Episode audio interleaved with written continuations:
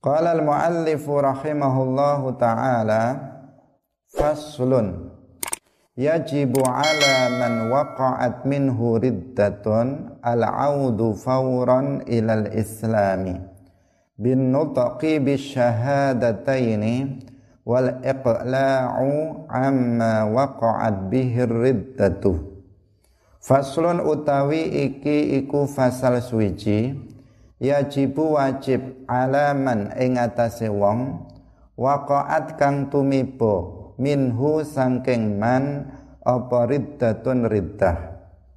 Apa al apa al audu bali? Nah, failnya yajibu. Apa al audu bali?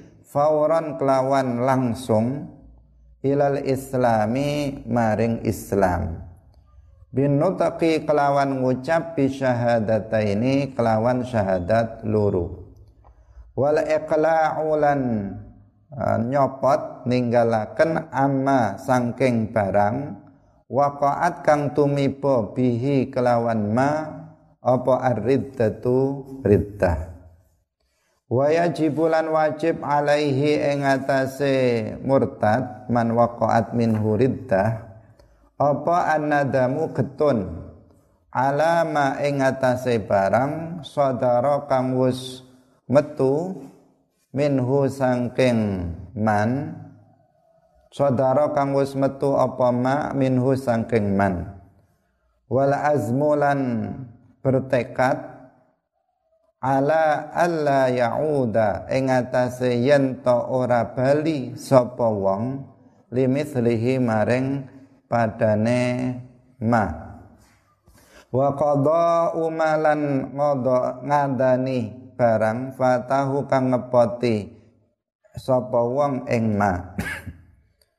Nyatane min wajibati syar'i saking pira-pira kewajibane syarak fi tilkal muddati ing dalem mangkono-mangkono mangsa. Fa illam yatub mongko lamun ora tobat wajabat mongko wajib apa istit apa istitabatuhu amrih tobat man. Wala yuqbalu lan ora den trima minhu sangking wong illal islamu kejaba islam awil qatlu utawa den pateni. Kaum muslimin pemirsa yang dirahmati oleh Allah Subhanahu wa taala Tadi kewajiban kita membicarakan tentang kewajiban orang yang telah jatuh pada ridha baik dengan perkataan, dengan keyakinan ataupun dengan perbuatan. Jika ada misalnya seseorang dengan lisannya mengatakan Allah itu zalim, Allah itu enggak adil. Misalnya, atau seseorang mengatakan ini terjadi tanpa dengan takdir Allah. Itu kemarin kan sudah kita contohkan itu termasuk riddah. Atau misalnya ada seseorang dengan sengaja tahu menginjak Al-Quran, menduduki mushaf. Nah, padahal dia tahu dan dia melakukannya dengan sengaja. Telah kita uh, jelaskan ini adalah riddah. Orang yang melakukannya menjadi murtad. Atau ada seseorang misalnya meyakini Allah itu berupa jisim yang berbentuk dan berukuran bertempat di atas arash misalnya. Ini juga termasuk keyakinan yang kufur. Jika orang jatuh pada ridah seperti ini misalnya, apa kewajiban dia?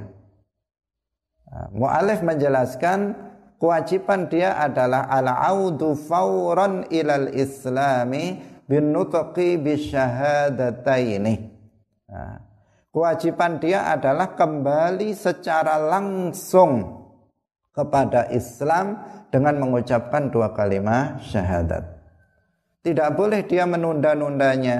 Nah, tidak boleh dia menunda-nundanya. Begitu dia jatuh kepada ridha, maka dia wajib untuk kembali lagi kepada Islam. Hmm. Bagaimana cara kembali ke dalam agama Islam? Cara untuk kembali kepada agama Islam adalah binutqi bisyahadatain dengan mengucapkan dua kalimat syahadat.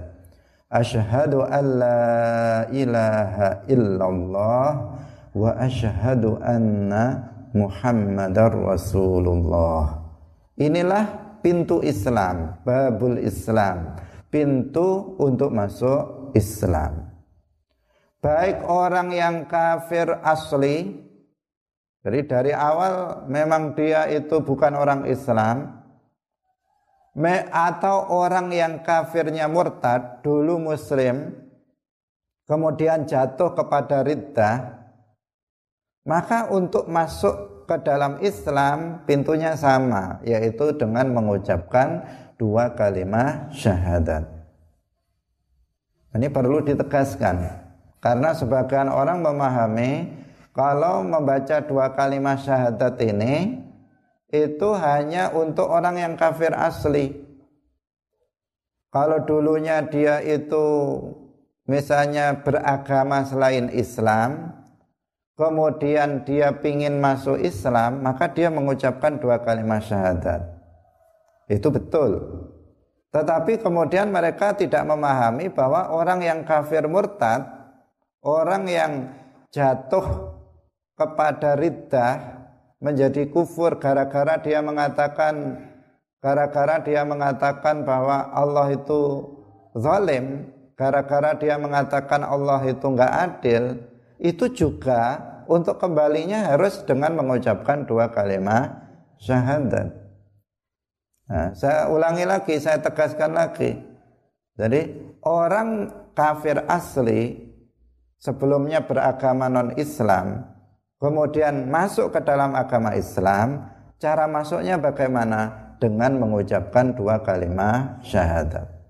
Ada orang dia jatuh kepada ridha, awalnya dia memang muslim. Kemudian dia mengucapkan kata kufur, kata ridha. Kemudian dia melakukan perbuatan ridha. Kemudian dia meyakini keyakinan ridha. Untuk kembali kepada Islam bagaimana? Sama dengan mengucapkan dua kalimat syahadat. Nah. Sebab ada sebagian orang itu yang yang tidak memahami ini, memahami hanya dua kalimat syahadat untuk orang yang kafir asli. Kalau orang yang jatuh rita, mereka mengucapkan istighfar, Begitu dia mencaci maki Allah, langsung dia mengatakan astagfirullah. Kenapa tadi saya ucapkan? Dia mengatakan seperti itu. Astagfirullah, astagfirullah. Menyesal saya tadi melakukannya. Berfaedah apa tidak? Tidak berfaedah. Dia mengucapkan astagfirullah setelah melakukan kekufuran, setelah melakukan perbuatan riddah, sama sekali tidak ada faidahnya. Bahkan itu menambah dosa dia. Dia membaca istighfar itu bukan memasukkan dia kembali ke dalam Islam, justru itu akan menambah dosa dia. Kenapa? Karena di situ ada unsur takdzibullah. Ketika dia membaca itu ada unsur apa? Takdzibullah, mendustakan Allah. Di dalam Al-Quran Allah subhanahu wa ta'ala itu telah menegaskan Allah tidak mengampuni dosa syirik. Allah tidak mengampuni dosa kufur. Inna Allah la yaghfiru an yushraka bihi wa yaghfiru ma duna dzalika liman yasha. Dalam surat An-Nisa ayat 48. Jadi di situ disebutkan sesungguhnya Allah itu tidak mengampuni dosa syirik. Syirik adalah salah satu jenis kekufuran seperti yang kita jelaskan di awal. Wa yaghfiru ma duna dzalika liman yasha. Allah mengampuni dosa di bawah syirik bagi orang yang Allah kehendaki.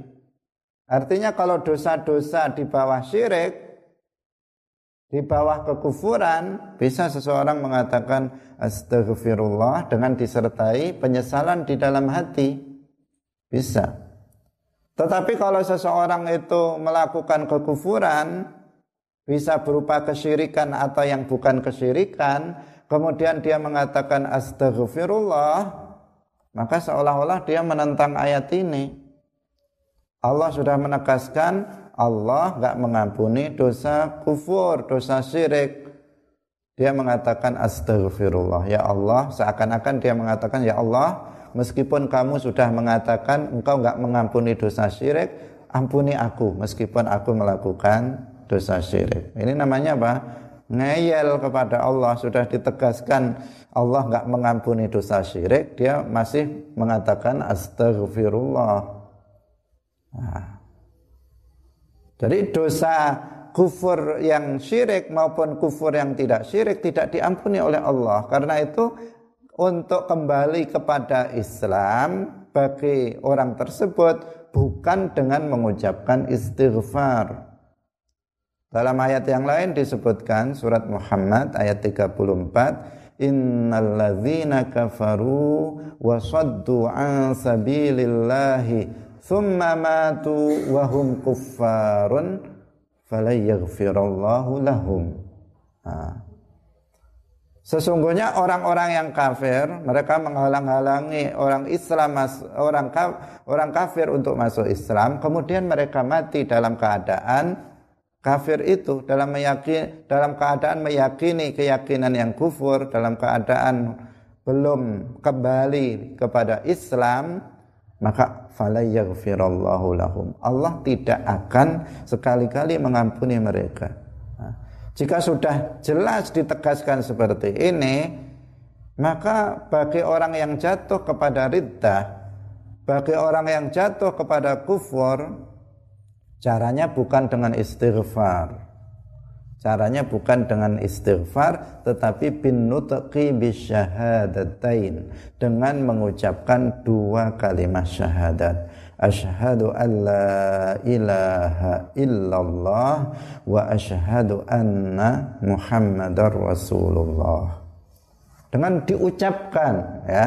Dengan diucapkan tidak cukup di batin saja tetapi dengan diucapkan dengan lisan nah, disertai nanti ada uh, kita jelaskan berikutnya nanti nah, jadi pintu Islam adalah dua kalimat syahadat.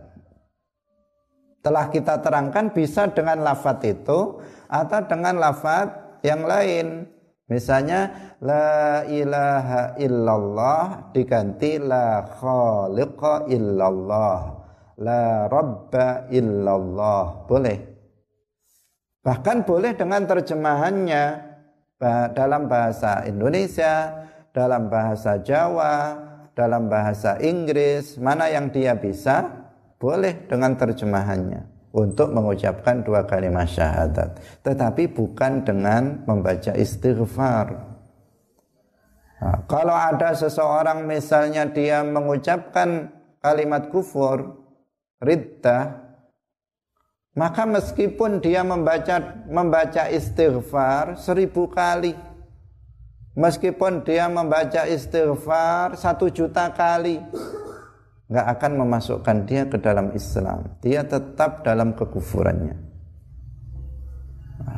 Meskipun dia sambil menangis habis mata apa air matanya, eh, habis air matanya karena menangis menyesal. Tapi kalau lisannya tidak mengatakan asyhadu an la ilaha illallah wa asyhadu anna muhammadar rasulullah maka dia tetap dalam kekufurannya tidak masuk ke dalam Islam nah, ini catatan penting nah, sebab sebagian sebagian orang begitu karena dia masih merasa Islam padahal dia tahu baru saja dia mengucapkan kata-kata yang kufur tapi yang dia ucapkan apa? Astaghfirullah. Bukan astaghfirullah, tetapi ucapkan asyhadu an la ilaha illallah wa asyhadu anna muhammadar rasulullah. Itu. Kaum muslimin pemirsa yang dirahmati oleh Allah, setelah mengucapkan dua kalimat syahadat, baru kemudian astaghfirullah.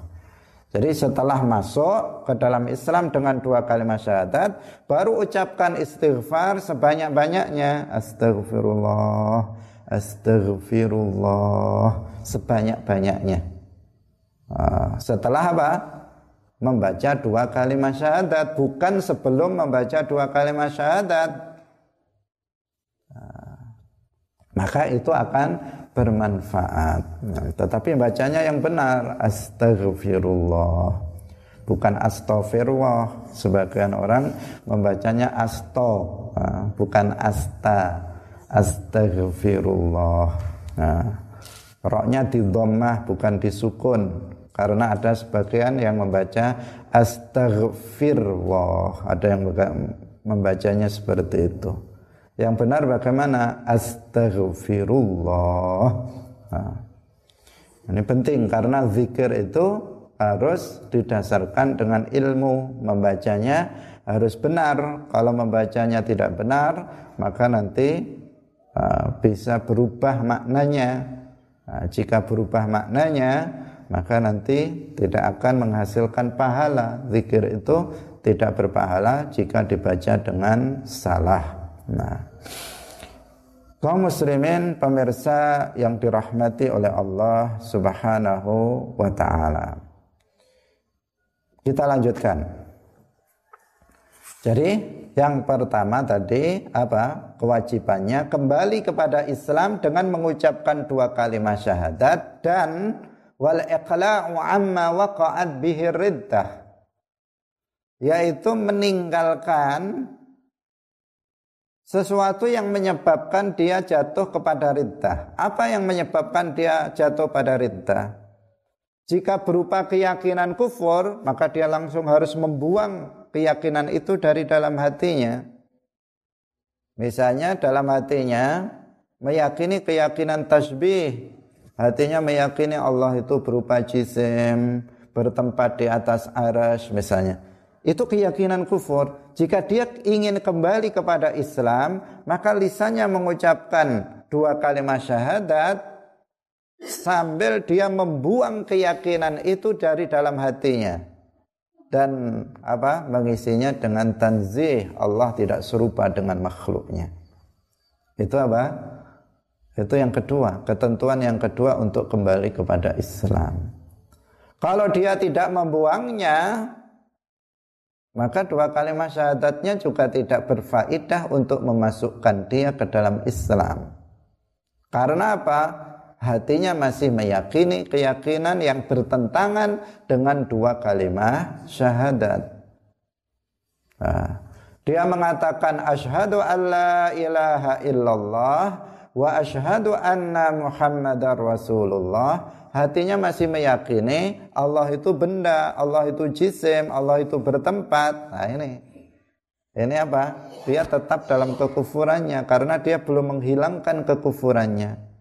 Lisannya mengucapkan dua kalimat syahadat, tapi dia tetap meyakini keyakinan yang kufur, maka hukumnya dia tetap dalam kekufuran. Maka harus dibuang. Kalau misalnya berupa ucapan, Misalnya tadi dia mengatakan ini terjadi tanpa takdir Allah dengan ucapan. Maka kalau dia masuk Islam, kembali kepada Islam, nggak boleh dia mengucapkannya lagi. Dia harus tinggalkan ucapan itu. Kalau misalnya berupa perbuatan, misalnya dia dengan sengaja tahu menginjak Al-Quran dengan kakinya, dengan telapak kakinya.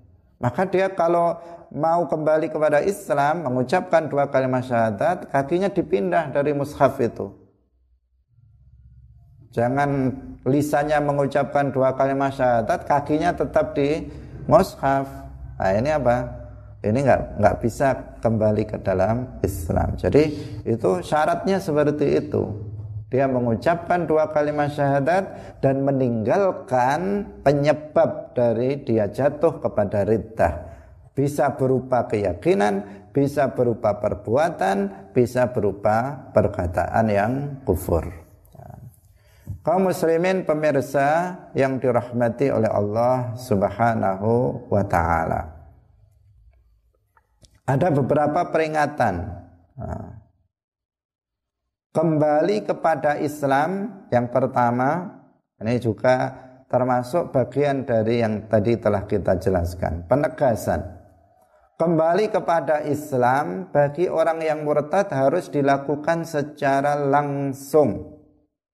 Sesaat telah melakukan ridha maka tidak boleh ditunda-tunda lagi dia harus kembali kepada Islam. Hmm. dengan mengucapkan dua kalimat syahadat.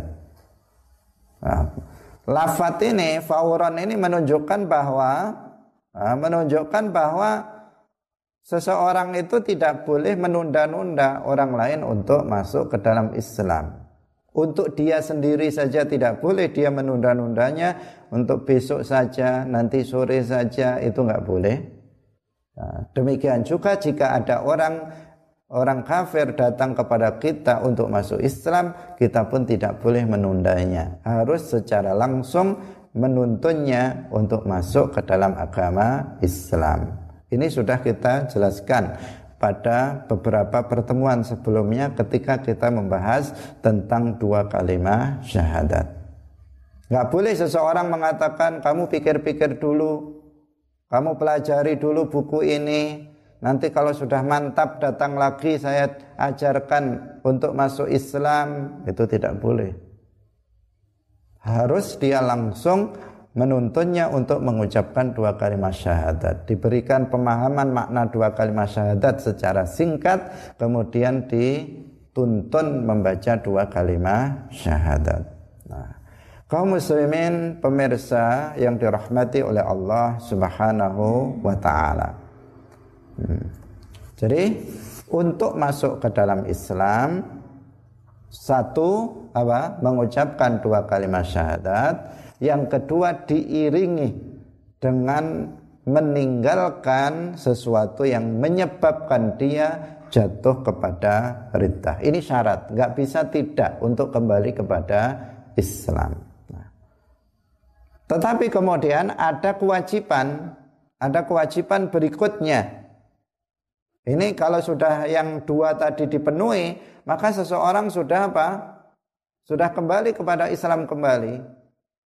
Tetapi ada kewajiban lain setelah itu yaitu wajibu alaihin nadamu ala ma sadara minhu wal azmu ala alla ya'uda limithlihi. Wajib bagi orang yang murtad untuk menyesal terhadap riddah yang telah terjadi darinya dan bertekad untuk tidak mengulangi riddah yang sama. Nah, ini kewajiban. Jadi syarat tadi dua untuk memasukkan seseorang ke dalam Islam. Yang kedua, dia memiliki kewajiban. Karena apa? Karena riddah itu adalah dosa dan dosa yang terbesar. Maka sebagaimana dosa-dosa yang lain, dia akan berkewajiban bertaubat. Nah taubat itu ini ketentuannya yaitu apa? Nadam. Yang pertama adalah nadam. Dalam hadis disebutkan an-nadamu taubatun. Menyesal itu adalah taubat. Jadi menyesal itu adalah taubat. Hakikat dari taubat adalah menyesal di dalam hati. Itulah taubat yang sebenarnya. Kalau seseorang misalnya membaca astagfirullah tapi hatinya nggak ada penyesalan terhadap dosa yang dilakukannya, ya nggak jadi taubat itu, hanya zikir biasa saja. Karena hakikat dari taubat itu bukan ucapan astaghfirullah, tetapi penyesalan di dalam hati karena telah melakukan dosa. Nah, rida ini adalah dosa yang terbesar, maka juga harus ada, wajib ada penyesalan di dalam hati karena telah melakukan rida. Itu setelah tadi apa membaca dua kalimat syahadat dan meninggalkan kekufuran yang menyebabkan dia jatuh kepada riddah. Nah, kaum muslimin pemirsa yang dirahmati oleh Allah Subhanahu wa taala. Kemudian yang selanjutnya wal azmu ala alla ya'uda limithlihi bertekad bulat untuk tidak kembali kepada kekufuran yang sama. Nah, ini kan sama dengan apa? Taubat juga. Rukun taubat. Jadi bertekad hati bulat saya nggak akan mengulangi perbuatan riddah ini lagi. Nah, itu juga wajib bagi orang yang uh, yang bertaubat. Nah, hukumnya wajib. Pokoknya dalam arti ditanamkan menyesal kemudian bertekad tidak mengulangi lagi. Kalau masih berencana mengulanginya lagi, ini belum belum bertaubat dan itu namanya nggak menyesal. Itu kan sebenarnya apa? Konsekuensi dari penyesalan itu itu tidak ingin mengulanginya lagi. Orang kalau menyesal, aku nyesel aku, mesti nggak pengen mengulangi lagi. Kalau ada orang menyesal tapi pengen mengulanginya lagi, itu menyesal apa enggak itu namanya enggak menyesal nah, itu artinya apa sesuatu yang enggak terpisahkan antara menyesal dan bertekad untuk tidak mengulanginya lagi kalau seseorang uh, itu namanya apa? Orang-orang menyebutnya tobat sambel. Nah, dia sudah menyesal tapi masih berencana. Besok tak nyambel lagi lah. Enak. Meskipun menyesal saat itu, tapi dia masih berencana untuk mengulanginya lagi. Nah ini apa? Ini nggak cukup, nggak nggak sah yang seperti itu sebagai tobat tidak sah. Tetapi seseorang harus uh, bertekad kuat, bulat, udah saya nggak akan mengulanginya lagi. Uh, dan menyesalnya itu bukan karena manusia, tetapi menyesalnya karena Allah Subhanahu wa taala karena telah berbuat dosa kepada Allah Subhanahu wa taala. Kaum muslimin pemirsa yang dirahmati oleh Allah Subhanahu wa taala. Kemudian ini penting lagi, semuanya penting ya. Nah, tetapi ini juga terkadang seseorang tidak memahami ini sehingga kita beri apa namanya stressing dalam masalah ini wa qada'u ma fatahu min wajibati syar'i fi tilkal muddati. Ada kewajiban lagi adalah mengkodok apa yang dia tinggalkan yang berupa kewajiban-kewajiban syarak di masa itu. Artinya di masa dia riddah. Hmm. kalau misalnya dia murtadnya 10 hari. Nah, 10 hari dia menguj dari mengucapkan kata rita dia tidak kunjung menyadarinya dia tetap dalam kekufurannya itu sampai 10 hari. Nah, maka apa dalam setelah 10 hari ketika dia sudah kembali kepada Islam maka dia wajib mengkodok sholatnya puasanya. Jika waktu itu Ramadan misalnya maka dia mengkontok puasanya. Nah.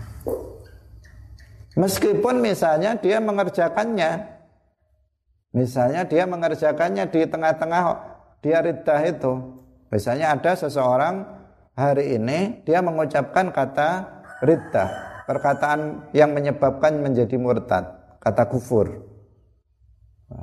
Dia misalnya mengatakan hari ini dia mengatakan Allah itu tidak adil misalnya. Dia mengatakan seperti itu. Dia kan jatuh pada rita, murtad. Kemudian apa? Sampai 10 hari baru dia mengucapkan asyhadu alla ilaha illallah wa asyhadu anna muhammadar rasulullah untuk kembali kepada Islam. Maka dalam 10 hari ini sholatnya nggak sah. Sholatnya tidak sah kalau seandainya dia sholat, sholatnya nggak sah. Karena apa? La tasihul ibadatu illa ba'da ma'rifatil ma'bud. Begitu kata Imam Ghazali. Tidak sah suatu ibadah kecuali setelah dia mengenal Allah, setelah dia beriman kepada Allah. Kalau dia dalam keadaan kufur, kemudian dia apa namanya? Kemudian dia melakukan sholat, sholatnya nggak sah. Nah, maka sholat selama 10 hari 5 kali 10 berapa? 50 kali sholat, zuhur, maghrib, isya, subuh, asar, ya tadi apa zuhur, asar, maghrib, isya, subuh dalam satu hari lima kali sepuluh hari. Semuanya harus dikodok ketika dia sudah masuk ke dalam agama Islam. Itulah makanya kemarin di awal sudah dijelaskan ar-riddatu apa? Afhashu anwa'il kufur. Riddah itu adalah jenis kekufuran yang paling buruk. Kalau ada seseorang, ya, ada orang kafir asli, mulai dari kecil dia agamanya bukan Islam. Mulai dari kecil dia agamanya bukan Islam. Sampai umur 50 tahun kemudian dia masuk ke dalam agama Islam. Maka dia wajib nggak mengkodok sholat selama mulai balik sampai umur 50. Tidak wajib. Ah, Al-Islam ya jubbu ma qablahu. Ah, Islam sudah menghapus semua semua yang dosa yang dia lakukan sebelumnya semuanya terhapus, dia memulai lembaran yang baru. Itu kalau apa? Kafir asli kemudian masuk ke dalam agama Islam. Tetapi kalau orang yang murtad, asalnya dia apa namanya muslim, kemudian dia mengucapkan kata riddah seperti yang kita telah jelaskan contoh-contohnya.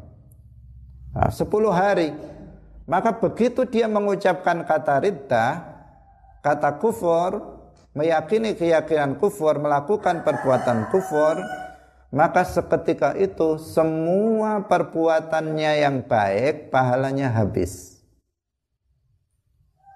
Wa may yakfur bil imani faqad habita amaluhu. Barang siapa yang kufur dengan keimanannya, maka terhapus semua pahala amalnya habis habis tidak tersisa Meskipun sudah 50 tahun dia sholat, dia dia mengeluarkan zakat, dia bersodakoh, dia baca Quran, begitu dengan satu kalimat saja habis semua pahala yang telah dia kumpulkan. Ini bahayanya rita. Makanya disebut apa? Rita adalah jenis kekufuran yang paling buruk.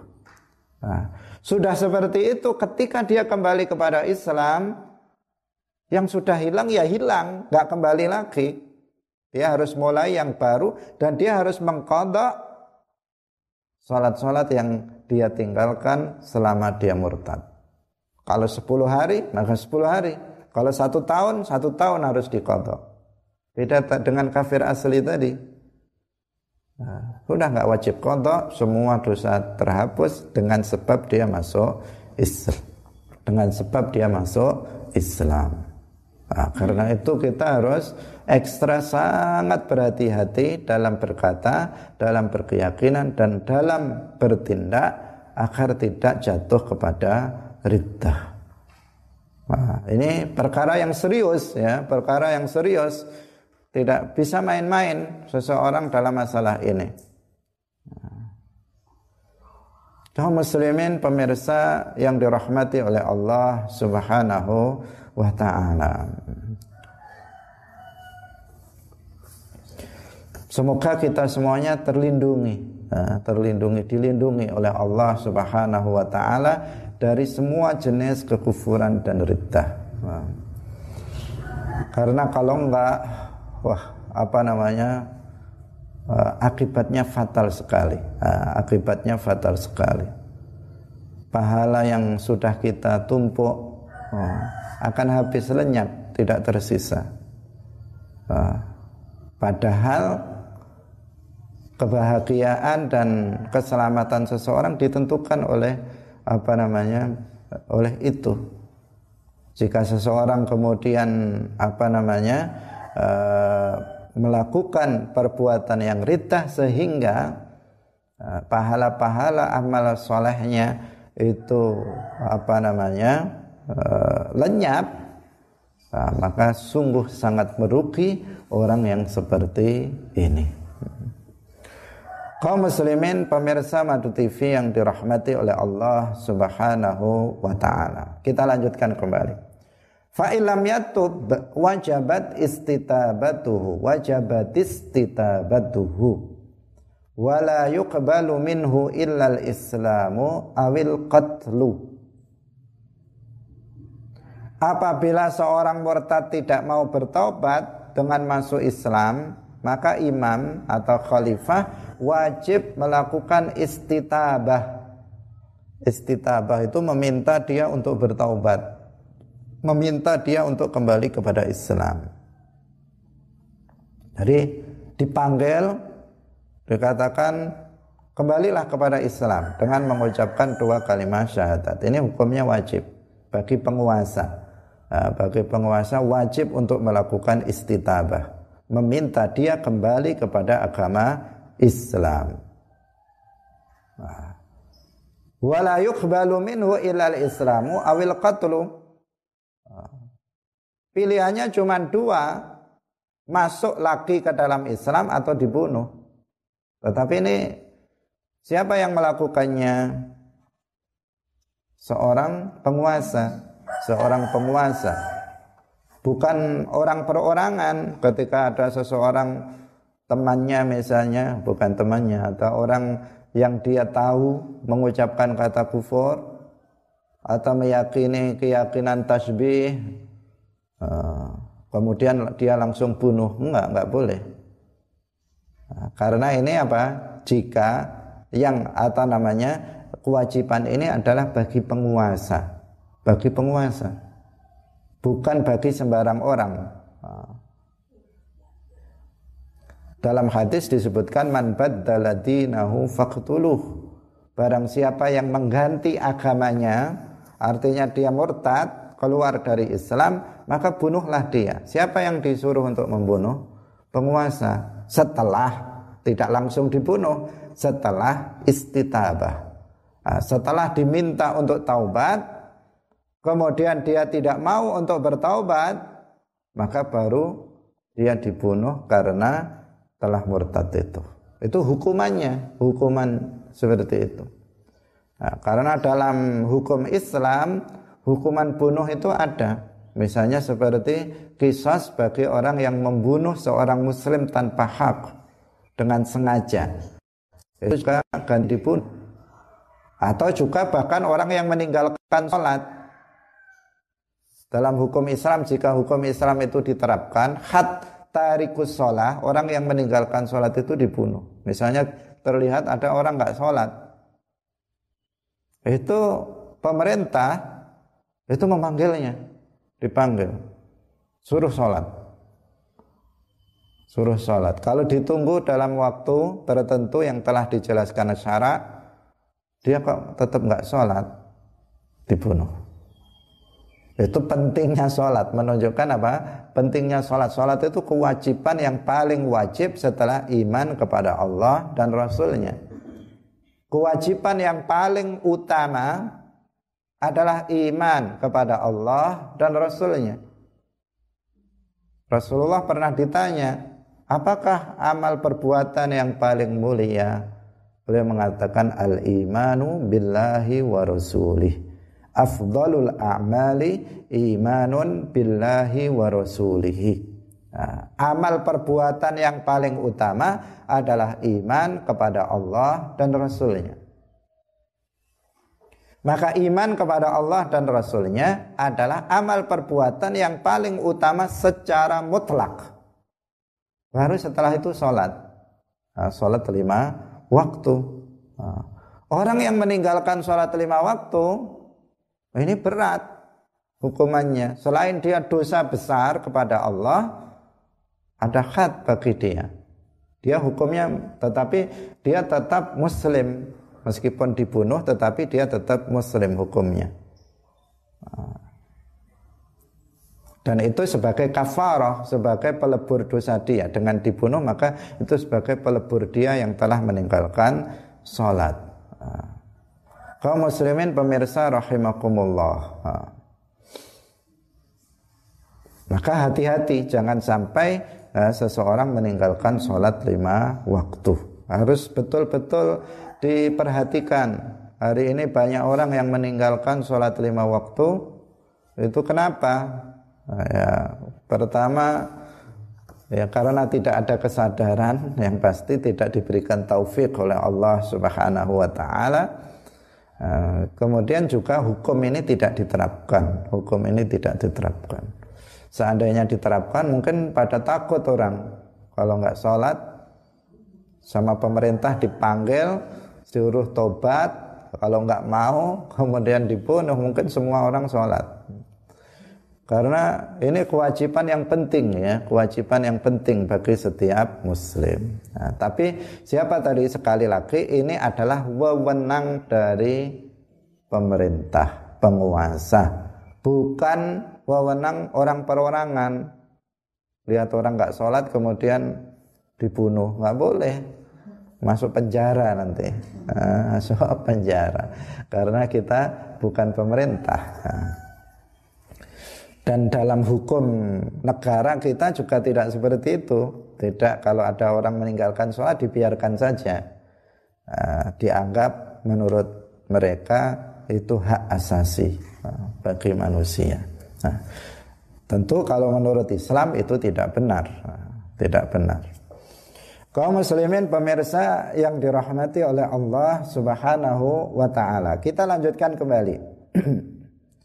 wa yabtulu biha saumuhu wa tayammumuhu wa nikahuhu qabla dukhuli wa kadza ba'dahu illam ya'ud ilal islami fil iddati. Wa la yasihu aqdu nikahihi ala muslimatin aw ghairiha. Dan batal puasanya tayamumnya nikahnya sebelum dukhul dan demikian juga setelahnya jika tidak kembali kepada Islam dalam masa iddah dan tidak sah akad nikahnya baik terhadap orang perempuan muslimah atau selainnya. Nah, ini tentang ahkamul murtad. Kalau ada orang seorang muslim kemudian ini bulan Ramadan, misalnya bulan Ramadan. Di tengah hari dia sedang puasa, dia mencaci maki Allah. Maka puasanya batal. Nah, puasanya batal. Ketika dia nanti telah kembali kepada Islam, meskipun langsung misalnya hari itu dia langsung mengucapkan dua kalimat syahadat, maka puasa hari itu harus dikodok nanti setelah hari raya. Setelah Idul Fitri kemudian di uh, dikodok. Karena apa? Ketika itu puasanya batal, Islamnya batal, puasanya batal dan dia harus mengucapkan dua kalimat syahadat seketika sebagaimana tadi yang sudah kita jelaskan. Nah, kemudian juga batal tayamumnya. Nah, tayamumnya seandainya ini tayamum. Seseorang tayamum karena tidak mendapati air, kemudian setelah masuk waktu zuhur misalnya dia tayamum. Sebelum sholat zuhur dia mencaci maki Allah atau mencaci maki Nabi. Maka di sini apa? Batal tayamumnya. Dia harus mengulangi ketika dia kembali kepada Islam setelah mengucapkan dua kalimat syahadat, mau sholat dia harus tayamum lagi karena apa? Tayamumnya sudah batal. Berbeda dengan wudhu. Kalau wudhu nggak batal, kalau wudhu tidak batal. Misalnya seseorang sudah berwudu, kemudian dia mencaci maki Allah, jatuhlah dia pada riddah. Kemudian dia langsung mengucapkan dua kalimat syahadat, mau sholat, setelah itu mau sholat. Dia tidak tidak wajib untuk wudhu lagi karena wudhunya belum batal. Tidak batal dengan sebab riddah. Beda dengan tayamum. Kalau tayamum batal dengan sebab riddah, kalau wudhu itu tidak batal dengan sebab riddah. Islamnya batal. Ketika dia kembali kepada Islam, maka dia tidak perlu berwudhu lagi. Nah, jika memang dia belum melakukan perkara-perkara yang membatalkan wudhu. Tapi kalau sudah kentut misalnya habis murtad kemudian kentut ya batal wudhunya bukan dengan ridahnya batalnya tetapi sebab kentutnya itu uh, batal wudhunya. Nah, Yang selanjutnya, lah ini yang penting, wa nikahuhu qabla dukhuli wa kadza ba'dahu ilam ya'ud ilal islami fil iddah. Masalah status nikah ya, masalah pernikahan. Kalau ada suami istri, makanya suami istri itu harus harus sama-sama paham agama. Kalau suami istri suaminya pinter, suaminya bodoh misalnya. Istrinya pinter, suaminya bodoh atau suaminya pinter, istrinya bodoh terhadap ilmu agama ini bahaya, bahaya. Karena itu ada kewajiban suami untuk mengajari istrinya tentang dasar-dasar ilmu agama, nah, tentang dasar-dasar ilmu agama. Kalau seseorang laki-laki menikah dengan perempuan bodoh, maka ada kewajiban dia untuk mengajarinya ilmu agama ilmu fardu ain ya. Tidak semua ilmu agama tetapi ilmu agama yang wajib ain dipelajari. Seperti yang kita pelajari ini. Itu wajib diajarkan oleh suami manakala istrinya bodoh dalam masalah itu. Tetapi kalau istrinya itu uh, sudah sudah pinter pondokan misalnya nah ini suami ya sudah ringan tidak berkewajiban karena untuk mengajarinya Nah, kalau suaminya nggak bisa ngajarinya karena sibuk, misalnya kerja, maka ya disuruh hadir dalam majelis taklim seperti ini. Nah, kamu hadir dalam majelis taklim. Nah, tidak boleh melarang. Suami melarang istrinya nggak usah ngaji di rumah. Padahal istrinya apa bodoh nggak tahu apa itu ridha, nggak tahu apa itu sholat, nggak tahu apa itu wudhu, tata caranya nggak tahu, malah dilarang ngaji. Nah ini dia sendiri nggak bisa ngajari kemudian melarang. Tapi kalau suaminya bisa mengajarinya sendiri di rumah, tidak apa-apa suami melarang, nggak usah ikut pengajian. Di sini aja saya ajari sendiri, nggak masalah. Tapi kalau dia sendiri nggak bisa ngajari, kemudian melarang istrinya untuk ikut dalam pengajian ilmu fardu ain, maka nggak nggak boleh. Ilmu fardu ain ini ilmu yang nggak bisa tidak dipelajari. Nah, bahkan ya bahkan orang itu melakukan perjalanan jauh, seorang perempuan melakukan perjalanan jauh tanpa mahram, itu kan hukumnya haram.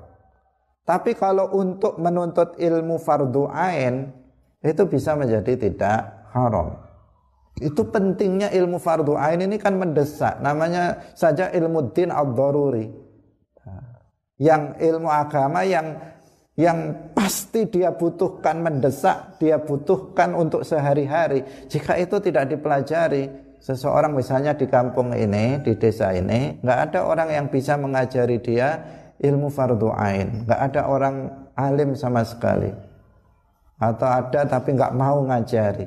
Adanya di sana di Surabaya sana di Jakarta sana udah pergi ke sana. Itu saking pentingnya apa ilmu fardu ain. Nah, itu ya. Karena kenapa suami istri ini harus memahami ilmu fardu ain? Karena kalau tidak nah, kalau tidak ada hukum-hukum misalnya terkait masalah rita. Ini sangat bahaya sekali. Rinciannya begini, dikatakan di sini uh, dikatakan wa nikahuhu qabla dukhuli wa kadza ba'dahu. Rinciannya yang pertama, jika riddah itu terjadi sebelum melakukan hubungan suami istri, Misalnya pengantin baru belum melakukan hubungan suami istri, salah satu dari suami atau istrinya itu jatuh pada riddah, mencaci maki Allah, mencaci Nabi, meyakini keyakinan kufur. Misalnya dia terpengaruh Wahabi sehingga meyakini keyakinan yang kufur. Maka batal seketika akad nikahnya. Jadi akad nikahnya langsung batal infasakho sudah rusak akad nikahnya dia bukan suami istri laki jadi dia sudah langsung bukan suami istri laki ketika salah satu dari keduanya itu murtad nah, Jika dia nggak paham, suaminya nggak paham, istrinya nggak paham, mencaci maki Allah setiap hari, misalnya mencaci maki Nabi, mencaci maki Islam, mencaci maki sholat. Kemudian apa? Dia tetap hidup bersama dalam satu keluarga, melakukan hubungan suami istri itu zina itu. Kenapa dia bukan suami istri? Nah, Orang melihat seakan-akan dia masih suami istri, tetapi sebenarnya dia bukan suami istri lagi. Kenapa? Salah satu dari keduanya melakukan rita, kufur, telah murtad. Maka batal akadnya manakala itu dilakukan sebelum terjadi hubungan suami istri. Nah, tetapi jika rita itu dilakukan setelah terjadi hubungan suami istri, maka di sini status pernikahannya itu maukuf, digantungkan nah, dalam masa iddah. Artinya digantungkan itu tidak belum jalan berhenti ya berhenti akad nikahnya berhenti tidak dikatakan rusak akadnya juga tidak dikatakan masih berlanjut. Enggak. Artinya dia harus nunggu dalam masa iddah. Misalnya dia melakukan Eh, apa namanya rita hari ini. Suaminya misalnya melakukan rita hari ini. Maka di sini status pernikahannya dengan istrinya itu maukuf dia terhenti di situ dia tidak boleh menggaulinya menggauli istrinya. Tetapi istrinya juga statusnya bukan belum tidak dikatakan orang lain karena belum rusak di sini. Dia terhenti. Terhentinya sampai menunggu apa? Menunggu apakah suami ini dalam masa iddah kembali kepada Islam apa enggak.